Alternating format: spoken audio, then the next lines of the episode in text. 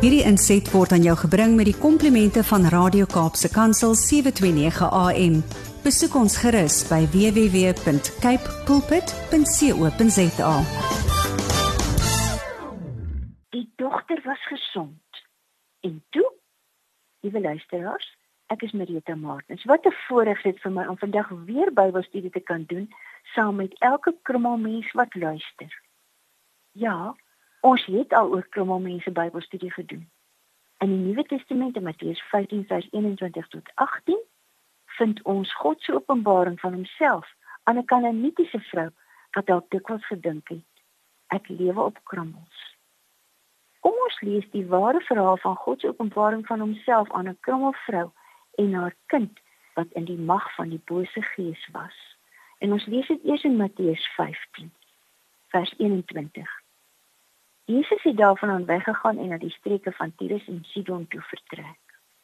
'n Kanaanitiese vrou wat in daardie gebied gewoon het, het onverwags by hom aangekom, sy het aanhoudend geroep: "Ontferm U oor my Here, seun van Dawid. My dogter is in die mag van 'n bose gees en dit gaan sleg." Maar hy het niks geantwoord nie. Sy disippels kom toe by hom en vra: "Stuur haar weg want sy hou aan met skreeu hier agter ons." Jesus antwoord: ek is nie na die verlore skape van die volk Israel toe gestuur, maar die vrou kom knie voor hom en sê: "Here, help my." Hy sê vir haar: "Dit is nie mooi om die kinders se brood te vat en vir die hondjies te gooi nie." Dis waar, Here sê sy, maar die hondjies eet daarom van die krummels wat van hulle basiese tafels afval. Mevrou, sê Jesus vir haar: "Jou geloof is groot. Jou wens word vervul." Van daardie oomblik af was die dogter gesond. Die arme Kanaanitiese vrou het sekerlik gereeld met gedagtes soos die volgende geloop: Mense wil nie eers meer kom kuier nie. Hulle vermy ons met 'n kind soos myne. Het ek al die nagte om gebid tot 'n God vir wie ek nie regtig ken. Niks verander nie. Met 'n kind soos myne wil ek dit van radeloosheid uitskreeu, ek wil hardop huil, maar kan nie meer huil nie. Ek kan nie meer. Weet jy? Besef jy dat hierdie dogter eintlik nog net 'n kindjie was? In die ooreenstemmende skrifvertelling in Markus 7 lees ons hoe jonk sy was. Markus 7 vers 25. 'n Vrou wie se dogtertjie van 'n onrein gees besete was, het gou van hom te hore gekom. Sy het gekom en voor sy voete neergeval. Toe kom Jesus verby. Skielik skreeu die vrou wat sekerlik gedink het ek leef op krummels, want my kindjie is in die mag van 'n bose, onrein gees, 'n vuil gees wat hierdie kind vuil en verskriklike dinge laat doen. Sy vra dat die mag van God in haar huise openbaar sal word. Selfs net die krummels van u mag pleit sy by Jesus sal genoeg wees. Net die krummels van die almag en genade sal my kindjie uit die mag van die bose en die onrein gees bevry. Want wat gaan van 'n dogtertjie word? Wat so onder beheer van die Satan gaan opgroei? Waarin gaan die kindjie nie later beland nie? Wat gaan sy nie alles aanvang nie? wat gaan haar einde wees? Daarom sê hierdie vrou soos ons gelees het in Matteus 15 vers 27 Dis waar Here sê sy. Maar die hondjies eet daarom van die krummels wat van hulle basiese tafels afval. Mevrou sê Jesus vir haar: Jou geloof is groot. Jou wens word vervul. Van daardie oomblik af was die dogter, maar dis 'n dogtertjie gesond. Vandag bedink ons die gevolge van hierdie genesing. Ons fantaseer nie daaroor nie. Ons soek in die Bybel na die veranderinge, die nuwe lewe wat aanbreek, waar die mag van die bose in en deur die krag en oorwinning van Jesus Christus vernietig vernietig word. Kom kyk eers, wat gebeur in elke plek, huis, hart, gees, verhouding en lewe waar enige mens in die gesin in die mag van die bose, die Satan, die duiwel, sy demone en die duisternis is. Jesus leer ons dat die duiwel die woord van God uit ons harte steel sodat ons nie tot geloof kom nie. So kan ons nie gered word nie. Lukas 8 vers 12. Die saad wat op die pad val, sê Jesus, dui op mense wat die woord hoor, maar dan kom die duiwel en neem dit uit hulle harte weg sodat hulle nie tot geloof kom en gered word nie. Dis wat die duiwel doen as hy in 'n lewe is. Jesus leer ons dat die duiwel met alles wat ons fokus op Jesus kan laat verhoor dat hy ons daarmee verwar en besig hou sodat ons van Christus afvallig sal word. Matteus 13 vers 39. Die vyand wat die onkruid saai, is die duiwel. Jesus leer ons dat leuns, valsheid, bedrog, 'n fake lewe en totale onbetroubaarheid hoogty vier waar die duiwel heers.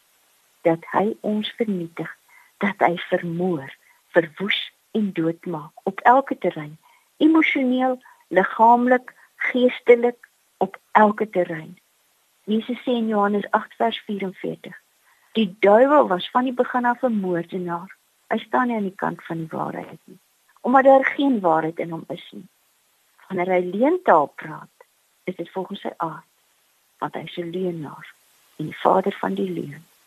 In 'n huis, hart, lewe, gesin, kerk of waar ook al, die bose beheer kry, is daar bedrog, valsheid, leuns, onbetroubaarheid.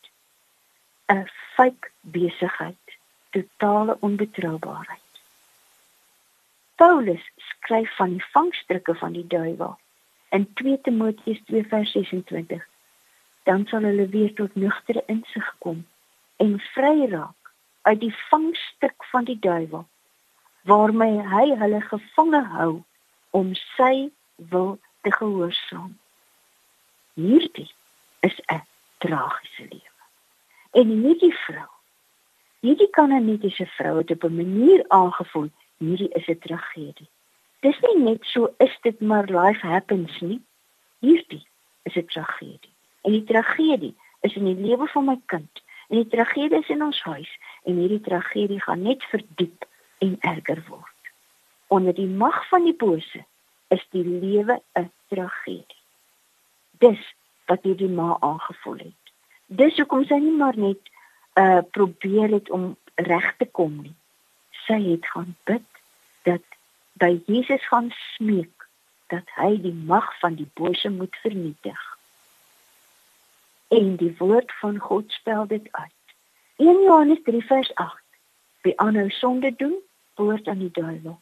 Van die duiwel hou van die begin af aan met sondig en die seun van God het juis gekom om die werk van die duiwel tot nut te maak. Dit is die samevatting van wat Jesus kom doen. Dit is presies wat Jesus in die lewe van die krummelvrou en haar duiwelbesete dogtertjie kom doen het. Betyds, betyds, sodat daardie dogtertjie kon groot word tot God se eer en haar rol as God se beelddraer en verteenwoordiger op aarde sou kon gaan uitleef en volvoer. Dit is wat Jesus keer op keer op aarde gedoen het vir die duiwelbesete man van Gadara. Die man wat 'n lewe tussen die grafte verkies het, bo 'n lewe saam met ander mense. Die man wat homself stukkend gesny het, wat cutting gedoen het om aan te hou om te kon bloei en die pyn van binne in hom in iets fisies te omskep. Johannes 3 vers 8 en die seun van God het juis gekom om die werk van die duiwel tot nul te maak. In Johannes 3 vers 9. Iemand wat 'n kind van God is, doen nie meer sonde nie, omdat die gees van God in hom bly en hy kan nie meer sondig nie, omdat hy uit God gebore is. Ek wil hierdie stukkie uit 1 Johannes 3 vir ons in die message lees in hierdie heerlike vertaling. Iemand het ehm um, vir 'n gevangene wat 'n message gelees het, gevra: "Wat is die grootste boodskap wat jy gekry het?" En hy het gesê: "Ek het nie geweet dat ek die Bybel kan verstaan nie." En nou lees ons dan in the message hierdie moeilike teksvers 1 Johannes 3 van vers 3 tot uh, van vers 8 tot 9. Those who make a practice of sin are straight from the devil, the pioneer in the practice of sin. The Son of God entered the scene to abolish the devil's ways. People conceived and brought into life by God don't make a practice of sin. How could they? God's seed is deep within them, making them who they are. It's not in the nature of the God born to practice and parade sin. Here's how you tell the difference between God's children and the devil's children.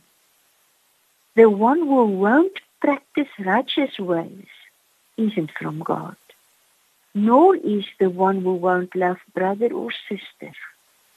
A simple test. As ons nie belangstel of iemand in ons lewe nie belangstel in 'n lewe van geregtigheid, 'n lewe binne die wil van God, 'n lewe van 'n regverdige lewe voor God nie, dan is hy nie wedergebore nie. En as ons nie die liefde beoefen nie, dan leef ons nie in die gees en onder heerskappy van Christus nie. Elke mens wat met iemand saamleef in wie die mag van die bose is, soos daai krummel vrou van wie ons nou gelees het, die vrou, die ma van daardie duiwelbesete dogter wat eintlik 'n dogtertjie was, weet wat dit is om 'n krummel mens te word. Die lewe saam met iemand wat in die mag van die bose is, in die mag van die duisternis, is ongenaakbaar. Die stryd is geweldig. Sulke krummel mense dink soms dat hulle maar net op aardse genade krummels leef. Maar die krummelvrou van wie ons in die Bybel lees, het besef as God die Almagtig, Almagtig selfs maar net vir ons die krummels van sy almag gee. As hy maar net die krummels van die ontferming na ons in ons huis gooi, sal my kind uit die mag van die bose verlos word. Sy sal nie meer siek wees met 'n siekte van gees en gemoed, die heerskappy van die Satan. Die oorwinnaar sal die vyand van God, die bose in haar oorwin en aan haar 'n nuwe lewe gee. Dit is wat gebeur wanneer die mag van die bose in 'n mens vernietig word. Die man wat tussen die grafte gewoon het, die man wat die dooies bo die lewendes verkies het, die man wat afsondering en isolasie verkies het bo 'n volle ryk en vrugbare lewe as verteenwoordiger van God tussen ander mense is uit die ryk van die duisternis gehaal en in die ryk van die lig geplaas tussen ander mense as God se verteenwoordiger as God se beelddraad tussen ander mense. Wanneer God ons self of die met wie ons saamleef uit die mag van die bose verniet ver, ver, los vernietig hy dit wat die mag van die bose teweegbring. Die seun van die mens het gekom om die mag van die bose te vernietig. En daarom lees ons en begin ons bid uit die tydlose ontsaglik belangrike ons Vader gebed en verlos ons van die bose want aan U behoort die koninkryk en die mag en die heerlikheid tot in alle ewigheid. Is jy 'n kromomens wat swaar kry in 'n ruimte en in 'n verhouding met 'n kind, familielid, in 'n gemeente of waar ook al van mense in 'n verhouding met mense wat in die mag van die bose is. Dan mag ons elkeen wat dit beleef die wonderbare ons Vader gebed bid. En verlos ons van die bose. Dit is wat die krummelvrou van wie ons vandag gelees en gehoor het, dis wat sy gedoen het. Met die krummels van U mag Here en sy sal uit die mag van die bose verlos wees. Here doen dit ook vir ons. Amen. Hierdie inset was aan jou gebring met die komplimente van Radio Kaapse Kansel 729 AM. Besoek ons gerus by www.cape pulpit.co.za.